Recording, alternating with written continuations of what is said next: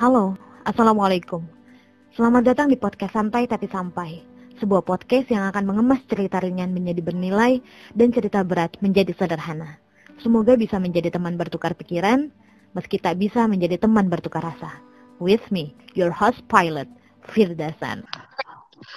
Wah, it's been a long time. Gue gak bikin podcast. Gue gak bacot di podcast ini. Dan kembali uh, bersama seseorang yang sejak dulu kala menjadi teman terbaik untuk di talk. Yang gak pernah inget waktu kalau misalkan udah ngobrol. Dan sebenarnya sebelum gue vakum untuk uh, bikin konten podcast, konten gue terakhir adalah ngobrol sama dia, tapi dianya nih masih di Taiwan. Sekarang dia udah balik ke Indonesia karena satu dan lain hal podcastnya nggak bisa gue up. Jadi untuk menebus kesalahan gue, untuk uh, kali pertama gue nge-podcast lagi, gue bareng dia lagi, one and only Sasak. Thank you, Sak. kayak, podcast penebus dosa ini tuh apa ya? ya, semacam begitulah. Tapi Sak, uh, baliknya lagi lo ke Indonesia, ada nggak sih hal yang bikin lo kayak uh, mez sama yang terjadi di Indonesia gitu. Tau gak sih yang cewek-cewek, wah oh, itu sih keren. Yes, benar banget. Dan itu bakalan jadi topik kita di podcast gue yang pertama ini. Cewek-cewek yang uh, speak up, yang mulai turun ke lapangan, jadi korlap. Wah gila sih, gue show out banget sih sama mereka sih. Hmm. Asli kayak selantang itu bisa menyuarakan ya dan menurut gue di tahun 2020 udah ketinggalan zaman banget sih kalau misalkan bilang bahwa cewek itu takdirnya di dapur. yeah, bisa. itu udah jok selama banget sih harusnya ya gitu. Nah, jadi uh, manusia-manusia kaum sans. Iya, jadi kaum sans, gue sama Sasak bakalan uh, ngobrolin tentang pandangan orang-orang uh, mengenai perempuan-perempuan yang berani speak up, perempuan-perempuan yang mandiri, perempuan-perempuan yang di pikiran orang itu memiliki power yang lebih tinggi dibandingkan laki-laki. Um, oh, banget ini, ini berawal dari karena sens sensitif karena gue malu ngalamin hal yang sama. ya jadi ya udah deh gimana ya gue gue ini apa episode yang episode pertama yang paling personal sih? Di mana oh, iya. uh, eh, FYI aja. FYI gue pernah ada di satu titik di mana gue ditolak sama uh, ya sama laki-laki. Gara-gara oh, dia berpikir bahwa gara-gara dia berpikir bahwa uh, eh, gue terlalu apa ya terlalu dominan untuk dia gara-gara uh, ya mungkin akademik gue uh, dia dia merasa bahwa akademik gue lebih tinggi dibandingkan dia, keaktifan gue lebih tinggi dibandingkan dia gitu. Terus juga uh, cara gue ngobrol di depan orang juga lebih uh, lebih lebih tinggi dibandingkan dia gitu. Nah, bukan hanya ditolak sama laki-laki, tapi gue juga diceramahin sama beberapa uh, perempuan baik itu yang sebaya sama gue ataupun di atas gue bahkan ada yang ibu-ibu terus juga ada juga yang uh, bapak-bapak kayak gitu bilang sama gue bahwa tolong dong Firda jangan terlalu speak up. Nanti nggak ada yang suka. Gue sebenarnya udah nggak sakit hati lagi sih sama kata-kata itu. Itu tuh jadi kayak what? Gue kasarnya ya kasarnya gitu kok lu bego di depan mata gue sih gitu kalau nunjukin kebegoan lu di depan mata gue. Cuman karena mereka umurnya itu jauh lebih uh, tua dibandingkan gue, gue cuman senyum aja, oh iya gitu. Atau enggak gue cuman jawab, ya jodoh mah dari tangan Allah lah gitu. Nah, kalau misalkan nih ini lucu sih. Tadi kan Sasak bilang, ini tuh sensitif banget. Sesensitif apa sih, Sak? Aduh, ini kalau kita ngomong kayak gini sebenarnya emang sih semuanya juga. Ini adalah kekhawatiran banyak perempuan untuk maju untuk berkarir dan untuk terus mengembangkan diri dan uh, kayak mereka mau sebenarnya. Karena semua perempuan semua mm -hmm. manusia itu ya ada uh, ya ya sebagai kayak gimana ya eh semua manusia itu kasih gitu dan semua manusia itu berkembang. Akan mungkin stuck terus di situ karena satu hal yang kayak tadi yang menurut gue itu hambatan ya. Bahwa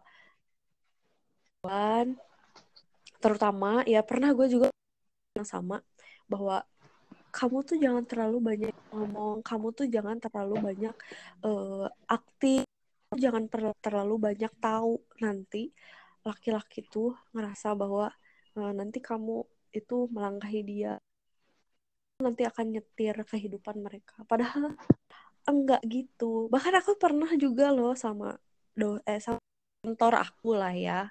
Kita panggil aja mentor. Kamu dapet jodoh gampang. Kamu agak bego dikit kebayang. Pertama gue ngerasa kehina karena gue nggak spinter itu gue cuman sotoy dan selalu ngerti aja gitu. Terus yang kedua kenapa downgrade gitu? Kenapa harus menurut ya. Sedangkan kita hidup di dunia ini uh, ya tugas kita sampai kita menemukan jodoh adalah memperbaiki diri. Terus kalau kita downgrade itu menyalahi aturan gak sih? Dan ya kenapa sensitif? Ya itu karena kalau gue ngomong sekarang nih ya, kemungkinan besar bakal ada efek yang besar juga sih. Karena mungkin beberapa orang akan tahu bahwa ya ya emang itu sih realitanya itu sih gue sering disebut dominan lu juga kan termasuk orang yang ya oh, semua yang itu otaknya agak agak agak licik ingin menguasai hidup orang juga cuman ya itu hmm. bakal sensitifnya bakal banyak banget sih kontroversinya karena memang beda-beda sih uh, prinsip orang terus ini kan iya. ngomongin yeah. prinsip ya uh, kita juga mm -hmm. uh, akan kayak lebih kayak satu pihak kita ngomongin perempuan terus gimana laki-laki gitu kayak gitu kan nah itu yang bikin sensitif sih sebenarnya yeah. kita kayaknya bakal bahas dari segi pengalaman pribadi aja kali ya gue sih okay. kalau misalkan kita membuat statement yang akan tapi tapi sebelum sebelum tadi ya tapi sebentar tak uh, sebelum tadi gue record uh, gue sempat nelpon teman gue dulu. Uh, dia laki-laki. Gue sempat minta pendapat sama dia. Jadi ya maksudnya ya sebelum ini gue riset dulu dong. Gue iya. pengen tahu dari sisi laki-laki. gitu uh, apa namanya gue nanya pendapat dari dia gitu. Dan gue cukup mm, oh ternyata masih ada loh laki-laki yang maksudnya uh, berpikiran bahwa ya wanita yang lebih maksudnya lebih dalam dalam mm, istilahnya misalkan dia lebih aktif karirnya lebih tinggi gitu kan ya sebenarnya gue kayak pengen bongkar dari dua sisi sih. Cuman mungkin nanti akan menjadi episode yang lain ketika gue ngobrol sama teman laki-laki gue yang itu nah, ya, gitu atau teman laki-laki gue yang lain. Kayaknya harus ada. Ya, jadi tenang aja, tenang, tenang, tenang. Kalau gue kayak yes, harus pasti. ada pandangan buat laki-lakinya. Kalau Iya. Yeah. Ya, jatuhnya cewek dominan sih. Mau itu mandiri, terus mau karirnya lebih tinggi, intinya dominan.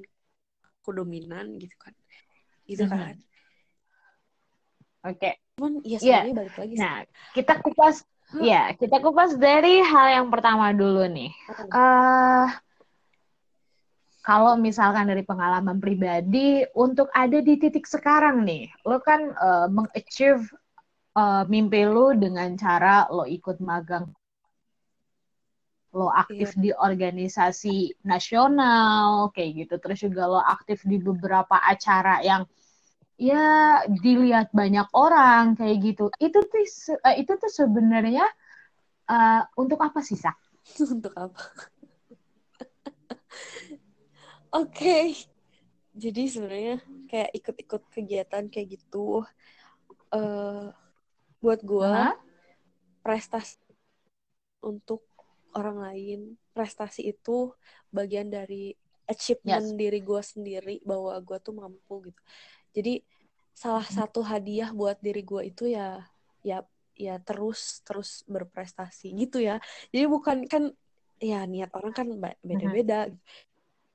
Bukan ke orang lain Yes. mungkin gitu Yes. atau ingin dua gitu atau ingin ya hanya sekadar orang lain tahu bahwa ya bahwa dia tuh bisa. Kalau buat gue, gue ikut eh, segala macam dari organisasi nasional, terus kayak gitu-gitu itu buat diri gue sendiri, penghargaan buat diri gue sendiri, buat usaha gue eh, sendiri gitu karena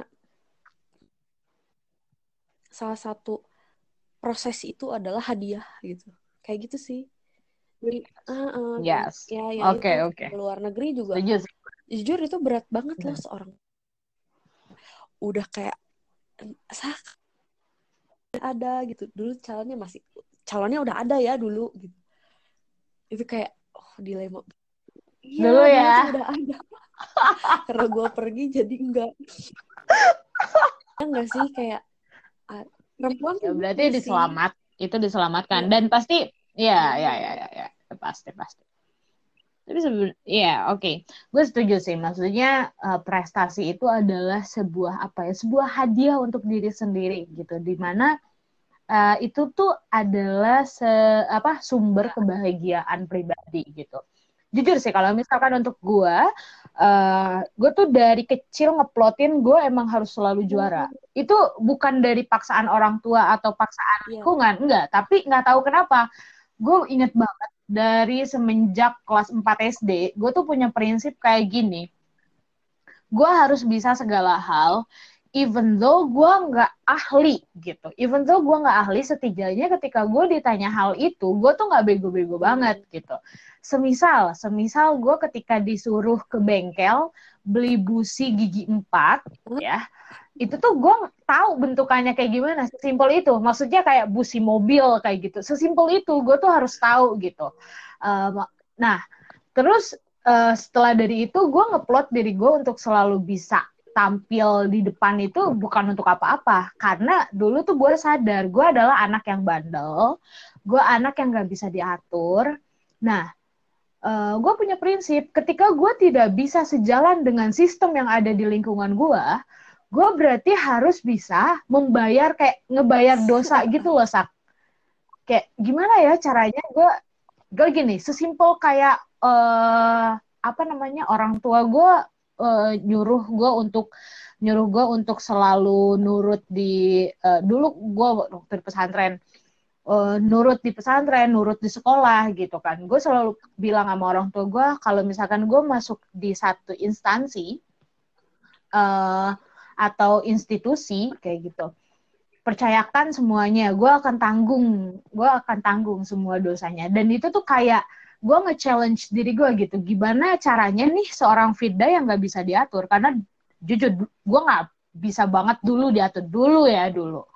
Dulu nggak bisa diatur. Tapi ya itu gue harus gue harus ngeplot bahwa gue harus uh, entah itu selalu ranking satu lah entah itu ikut lomba-lomba lah gitu. Setidaknya ada apa ya uh, ada hal yang bisa menutupi kekurangan gue yang nggak bisa nurut itu tapi seiring berjalannya waktu gitu uh, SMA gue mulai sadar gitu bahwa uh, oh ternyata gue nggak sepinter yang gue kira gitu. Gue kira dulu gue pinter padahal enggak gitu. Dan gue selalu bilang gue kayaknya mengalami penurunan IQ gue bilang kayak gitu. Uh, cuma iya serius kayak gue SMA kok gue makin gak suka baca? Kok gue makin gak suka mikir? Kayak gitu terus kayak gue pernah berada di satu titik di mana gue dipaksa untuk berprestasi kayak gitu. Kayak kok semuanya gue berprestasi tapi kok kayak dipaksa gitu. Sampai akhirnya gue menemukan satu uh, satu titik uh, gue menemukan satu prinsip di mana oh iya gue mau berprestasi itu sesuai dengan apa yang gue pengen dan itu punya impact yang uh, apa yang besar untuk jangka panjang. Kayak misalkan uh, dulu gue anti organisasi akhirnya di kampus gue aktif organisasi gitu. Tapi karena tugas gue sebagai mahasiswa adalah belajar dan orang tua gue nggak akan peduli dengan jejak organisasi gue berarti gue harus mengimbangi sisi akademiknya gitu kan? Begitupun dengan ya. yang lo rasain kan sak? Lo aktif di organisasi nasional, lo aktif di acara-acara besar, entah itu di kampus atau luar kampus, orang tua kita itu nggak akan pernah peduli sama iya, jejak ya, organisasi kita, kecuali orang tuanya, kecuali orang tuanya yang apa pendidikannya tinggi, aktif organisasi, paham rule uh, anak kuliah kayak gimana, anak organisasi kayak gimana. Tapi gue sadar orang tua gue tidak seperti itu. Orang tua gue tidak uh, berpendidikan.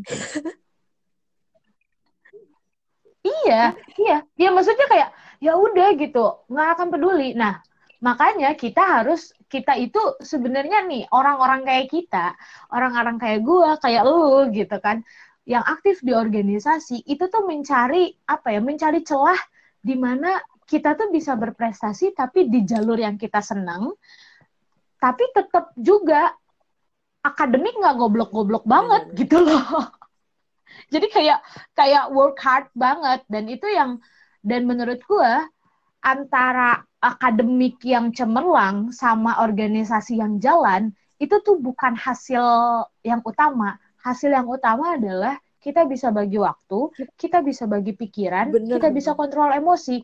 Karena tiga hal itu tuh yang bakalan bakalan jadi uh, uh, apa ya impactful untuk seluruh uh, waktu seluruh umur kita ke depan gitu. Kalau masalah IPK itu cuman selesai di uh, wisuda.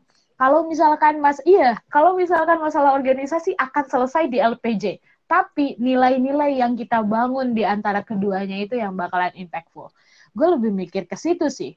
Dan ketika ada orang-orang yang bilang orang-orang kayak kita dominan dan gak bisa diatur, please think twice gitu. Kayak pikir dua kali. Oke, okay. pengalaman lo sendiri, lo pernah nggak ditolak sama lingkungan gara-gara lo terlalu, sorry, misalkan terlalu aktif, terlalu speak up, kayak gitu. Lu pernah nggak ditolak lingkungan? Kita jangan dulu bahas ke relationship ya. Uh, ditolak lingkungan dulu aja. Iya, itu gue pernah sama dosen. Kayak itu lingkungan ya. Kayak gue tuh orangnya emang takut hmm? bodoh. Hmm? Maksudnya takut bego gitu kayak ditanya itu malu. Emang semua orang kayaknya gitu deh.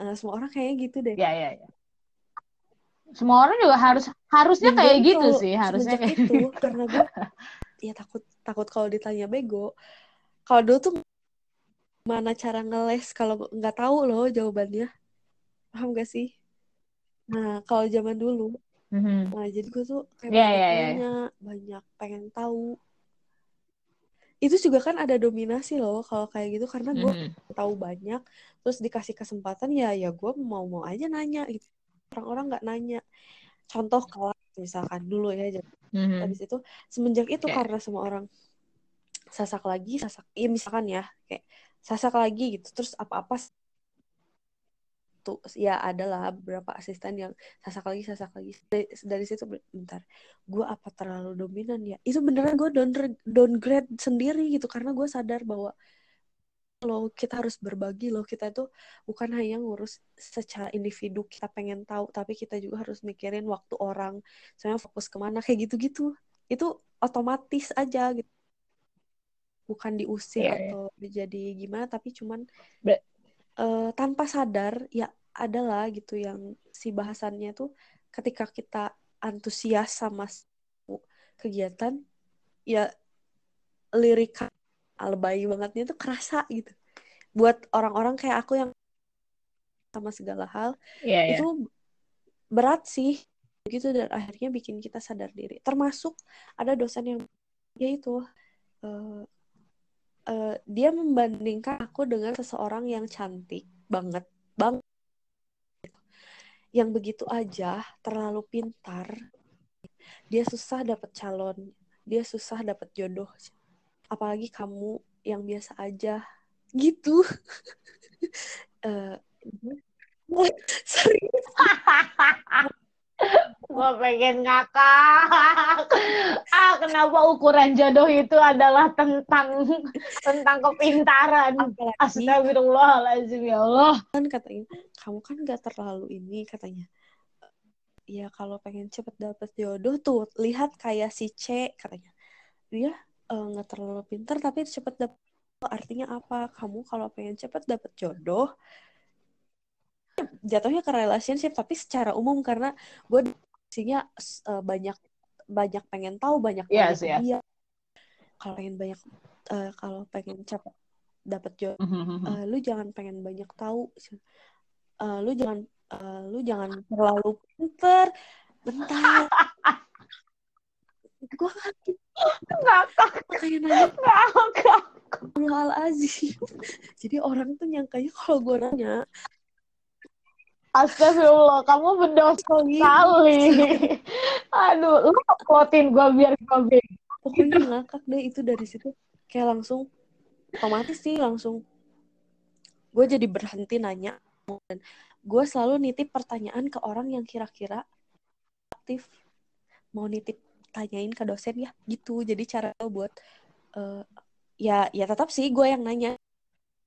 Dan orang itu, enggaknya dia punya uh, uh-huh. uh, keliat lah sama dosen gitu. Jadi aku selalu nitip-nitip pertanyaan ke teman-teman yang kira-kira uh, tidak dominan di kelas itu sih. Jadi orang-orang kalau misalkan sak aku pengen nanya sak aku pengen nanya. Bentar aku bikin sama. pertanyaan. Banyak bikin pertanyaan nanti. Siapa yang mau nanya? Siapa yang mau nanya? Gitu loh sama sih. Wah gila sama sih. Gue juga gitu. Ya tapi tapi untuk orang-orang yang berpikiran bahwa uh, tuh lihat yang cantik dan pinter aja tuh susah dapet jodoh. Lo yang biasa aja tuh. Terus lo sok-sokan pinter lo sok-sokan lo apa kabar lo bakalan nah, lo bakalan lama jodohnya. Bapak ibu anda beriman kepada Al-Quran atau enggak gitu gitu. Anda beriman kepada konon dan gue bingung. Gue maksudnya bukan bukan gue ngebalikin bukan gue ngebalikin terhadap apa ya terhadap keimanan dia atau mempertanyakan keimanan seseorang. No gitu kan ya. No offense ya gitu. Cuman kayak itu tuh hal yang seharusnya tuh kayak ya udah lo lakuin yang terbaik untuk diri lo ya Tuhan akan siapkan Allah akan siapkan yang terbaik juga buat diri lo gitu. As long as lo nggak menyakiti orang lain gitu, as long as lo juga kalau misalkan ada yang merasa tersakiti karena kita dominan, gue pernah nanya gini, karena gue juga uh, pernah kan, uh, ya digituin lah gitu kan. Oh, Fir lo jangan terlalu speak up dong. Gue tahu lo mampu, tapi uh, tolong dong lihat teman-temannya di belakang gitu kan ya teman-teman lo semua ketutup gara-gara kehadiran lo. Oke, okay. uh, eh, di situ gue bukan downgrade, tapi gue lebih ke sama kayak lo tadi uh, apa namanya istilahnya tuh ngasih chance ke orang gitu ya. Tapi ketika gue mundur, itu tuh lo ngerasain hal yang sama gak sih? Langsung kicep, nggak ada yang mau berkutik hmm. gitu, nggak ada yang mau maju gitu. Iya, iya, iya, iya ngerti, ngerti. Iya nggak sih? Terus jatuhnya kayak, lah kalau bukan gue siapa gitu kan? Kayak, oke, okay, gue jadi gitu. Oke, okay, uh, Nah, kalau gue mundur gitu kan, kalau gue mundur, ya udah lo lo pada deh yang maju gitu kan. Gue mau lo lo lo semua nih ngehujat gue gara-gara gue dominan. Ya udah gue mundur gitu kan. Gue mundur, eh pas gue mundur atau pas uh, ya gue nah, lu mundur, iya, eh ada kok nggak ada yang maju sih? Ya pada akhirnya gue yang maju lagi, gitu kan? Cuman, ya kebetulan gue kampus tuh nggak nggak pintar Iya kayak gitu. Uh, balance lah sama organisasi kan otaknya orang-orang uh, uh, stereotip orang-orang ter organisasi adalah ya anak organisasi nggak mikirin akademik kan. Nah posisinya gue tuh yang balance gitu loh yang nggak terlalu pinter. Jadi pas gue hmm, mundur hmm. dikit tuh masih satu dua orang tapi jadi nggak banyak nggak. Karena mungkin gue emang dulunya gitu kan gue sekolahnya di sekolah pertanian. Banyak uh, materi dasar yang gue punya gitu Nah, jadi nggak lebih hidup aja sih cuman nggak lebih hidup Mhm. sampai stuck sampai stuck lah pada diem gue bilang terus kalau gue maju lah gue maju nanti komen lagi Ya. bos gitu ya alhamdulillah sih teman-teman aku ada Maju mundur salah ya. mending Maju sih mundur salah ya. soalnya ya, kayak teman-teman kelas tuh lebih ngerti sih lebih ngerti ya ada sih beberapa yang yang masih julid cuman nggak banyak yang ngertinya sih gitu Oke. Ya, buat temen-temen kita yang dengerin podcast ini no offense ya, no offense sih. ya, nggak usah sakit rasa- hati ya, nggak usah baper ya. Enggak, ini cuma maksudnya nggak ada sih. Maksudnya gini, maksudnya gini, eh as long as lo ngebuka ngebuka pikiran lo untuk bisa menerima bahwa eh, nggak selamanya kok orang yang selalu maju itu tuh eh, ingin memper apa namanya ingin apa ya mempertontonkan di- diri dia di hadapan orang lain gitu. Mungkin juga kalau misalkan gini gue gue ngelihatnya gini sih. Bukan gue ngebela tindakan kita yang selalu maju. Karena dulu tuh eh, niat gue pribadi ketika gue maju ke depan Hmm. Iya maju ke depan sih nggak ke belakang ya. Oke, ketika gue maju gitu, ketika gue maju, gue tuh gue tuh berharap bahwa teman-teman gue tuh eh, apa meyakinkan diri dia, oh iya, Firda aja bisa maju, gue berarti bisa maju gitu kan ya. Atau enggak sesimpel atau enggak sesimpel ketika eh gue bisa speak up, oh gue bisa belajar nih sama sama orang yang udah speak up. Karena gue pun gitu gitu kan ya. Karena gue pun gitu ketika ada orang yang speak up-nya lebih. Maksudnya gue ngerasa gue ngerasa anjir gue insecure nih dia bisa speak up kayak gitu gitu kan. Gue akan mencari tahu gue akan mencari tahu eh, apa namanya cara dia speak up sampai sekeren itu tuh kayak gimana gitu kan ya tapi ternyata pemikiran itu tuh balik lagi tidak dimiliki oleh semua orang dan yang menerima eh, kedominannya kita pun tidak dimiliki oleh semua orang gitu. Untuk teman-teman gue yang kayak eh, oh ya gue seneng kok Fir lo mewakili lo mewakili kita semua gitu atau enggak lo mewakili apa yang gue rasain gitu kan ya. Tapi ada beberapa orang juga yang nggak suka kayak gue nggak suka eh, lo terlalu di depan gitu. Terus gue nanya balik lo- dong, alasan lo nggak suka kenapa? Lo tak kalah saing sama gue atau emang Hmm, egoisme coy. lo aja yang gak suka sama gue lo gak suka sama gue karena cara gue atau lo gak suka emang sama Firdanya nih gitu lo gak suka caranya karena between action sama human itu tuh bisa dibedain kayak gue uh, mungkin itu bias ya. I- mungkin itu bias. Kayak kita selalu dengar kan bencilah perilakunya jangan benci orangnya. Karena gimana pun orangnya uh, they are human at all gitu. Uh, they are uh, they are human after all gitu. Maksudnya seburuk apa pun dia, nih seorang sasak, nih seorang Firda tetap manusia kok. Kalau ada yang nggak lo suka, cukup nggak suka sikapnya aja, gitu. Tapi itu tuh hal-hal yang buat gue pribadi pun, buat buat gue pribadi pun ketika menilai seseorang gitu, yang istilahnya prejudging lah ya gitu Iya kan. Sebelum tahu dia udah dijudge duluan itu tuh kayak unfair aja Tapi gitu. Gue hanya melihat secara objektif, tapi sih sedangkan gue tidak melihat subjektifnya gitu. Kan Nah, di fase kuliah gitu ya. Gue tuh menurut gue power gue tuh di antusias. Kalau gue nggak antusias tuh udah semuanya males bos. Sampai kebayang nggak? Kayak sak nanya nggak nggak. Oke. saking kayak udah di downin sama orang udah gue mau udah. Fase itu. Jadi band ya gitu ya. gue. Antusias gue tuh keluar maksudnya kayak ke organisasi eh, yang di luar gitu kayak gitu sih Eh, terus kayak lebih tenang sama Mhm. pengabdi Oke. ya Ya, ya. apa yang gue tahu eh, selama di kampus eh, di share Mhm. ke para petani kayak gitu sih jatuh gue mengkritisi banyak hal itu enaknya di luar enaknya begitu karena memang gue mikir juga kelas kehidupan jurusan. Gue mikirnya gue bakal hidup hampir empat tahun di sini dan itu terus terus terus. Sedangkan itu menurut gue salah satu modal kan kan? Ya walaupun tetap aja sih gue tuh selalu selalu keluar apa keluar dari kendali sendiri sih. Akhirnya tetap masih ada bocor-bocor sedikit begitu. Sampai too much kayak awal-awal kayak gitu sih wajar lah. gitu. nobody's perfect. Yes. Iya. Yeah.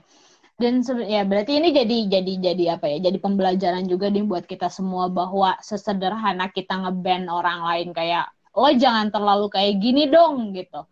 Uh, tanpa kita ngasih solusi sama dia. Istilahnya tuh lo cuman ngasih sar eh, lo cuman ngasih kritik doang gitu. Kayak misalkan ya lo jangan terlalu dominan dong gitu. Itu kan kritik kan? Tapi lo nggak kayak nggak ngasih solusi ketika uh, orang lain dominan ya terus kalau misalkan gue nggak dominan atau terus kalau lu nggak suka gue dominan gue harus kayak gimana? Nah kadang kadang orang-orang yang nggak suka sama kita uh, apa namanya based on egoismenya itu hanya akan ngasih kritik.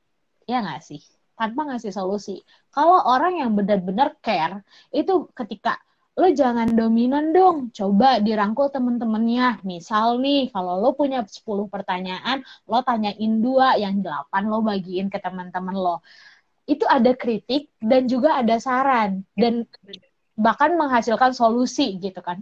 Gak cuman kayak ngeband, lo jangan dominan dong, udah selesai kayak gitu. Oh, dari situ kita punya pembelajaran nih orang-orang tuh uh, setiap orang ya setiap orang itu pasti punya cara untuk meningkatkan mood dia uh, atau meningkatkan apa ya hmm, gairah dia gitu kan ya passion dia itu caranya berbeda-beda. Misalkan nih Sasak dengan cara dia antusias dia akan uh, memiliki apa ya semangat yang lebih dibandingkan ketika dia tidak memiliki antusias terhadap sesuatu. Kalau misalkan gue uh, gue akan sangat apa ya sangat passionate banget ketika uh, itu tuh kayak apa ya menyambut semua rasa penasaran gue bukan bukan bukan antusiasmenya tapi ketika ketika gue nanya sesuatu gitu ketika nanya gue eh, gue nanya sesuatu atau gue melontarkan sesuatu kayak itu tuh seaneh apa pun segila apa pun gitu disambut gitu. Gue lebih ke situ sih. Ya karena kadang gue juga tidak ya. seantusias itu gitu kan ya sebenarnya. Cuman mungkin dari mulai iya sih. Iya konsekuensinya besar karena apa?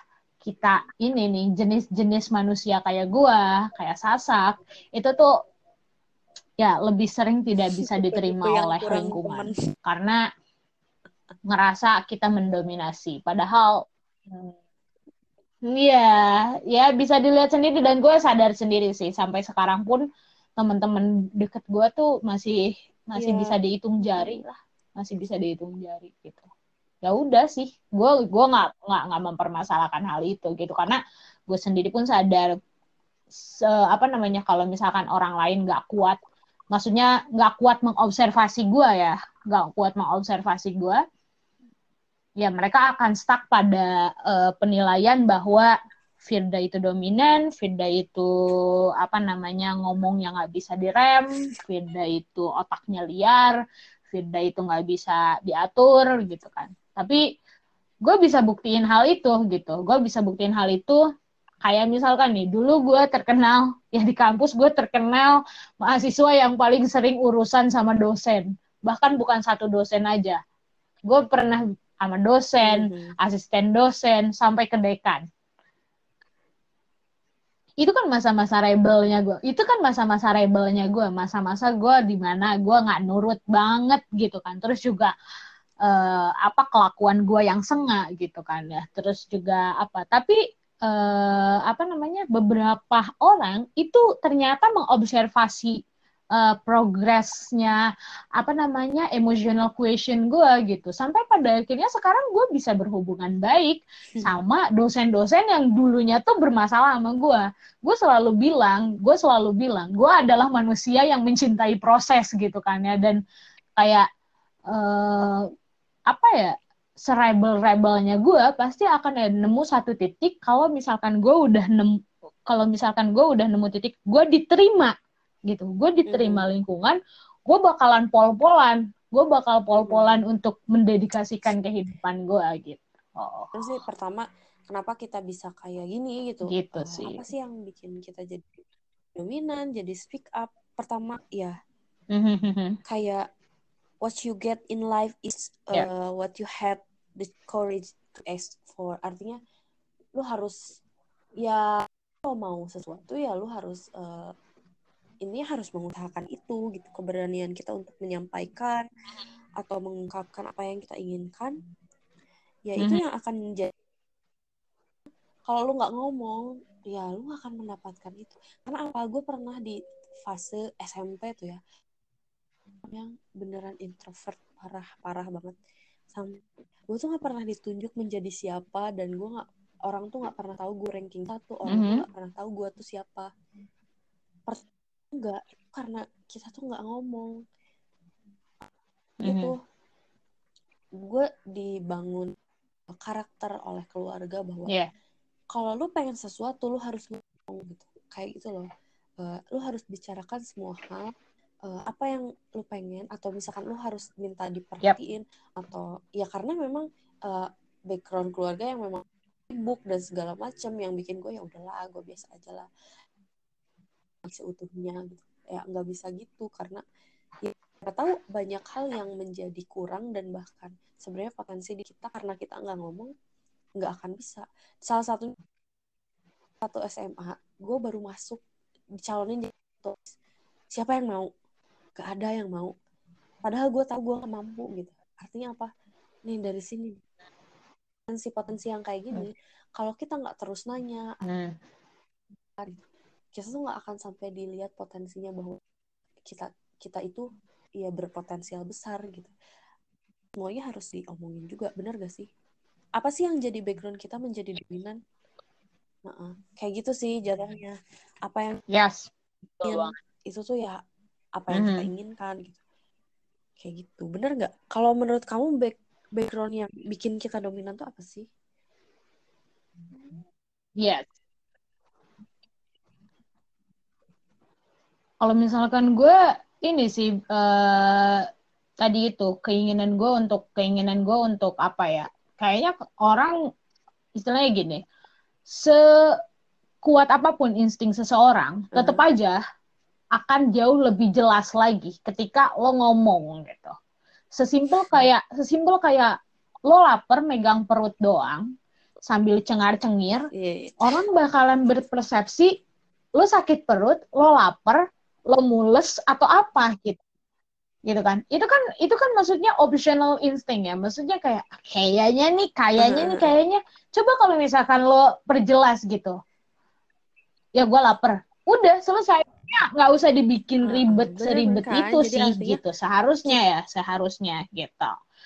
Sesimpel itu sih. ya Sesimpel itu kayak bukan berarti kita ingin mengendalikan hidup kita ingin mengendalikan satu masa gitu kan ya memang eh, semua karakter yang kita Bukan. bangun sebenarnya jujur lu itu bukan. emang dibangun karakter yang memang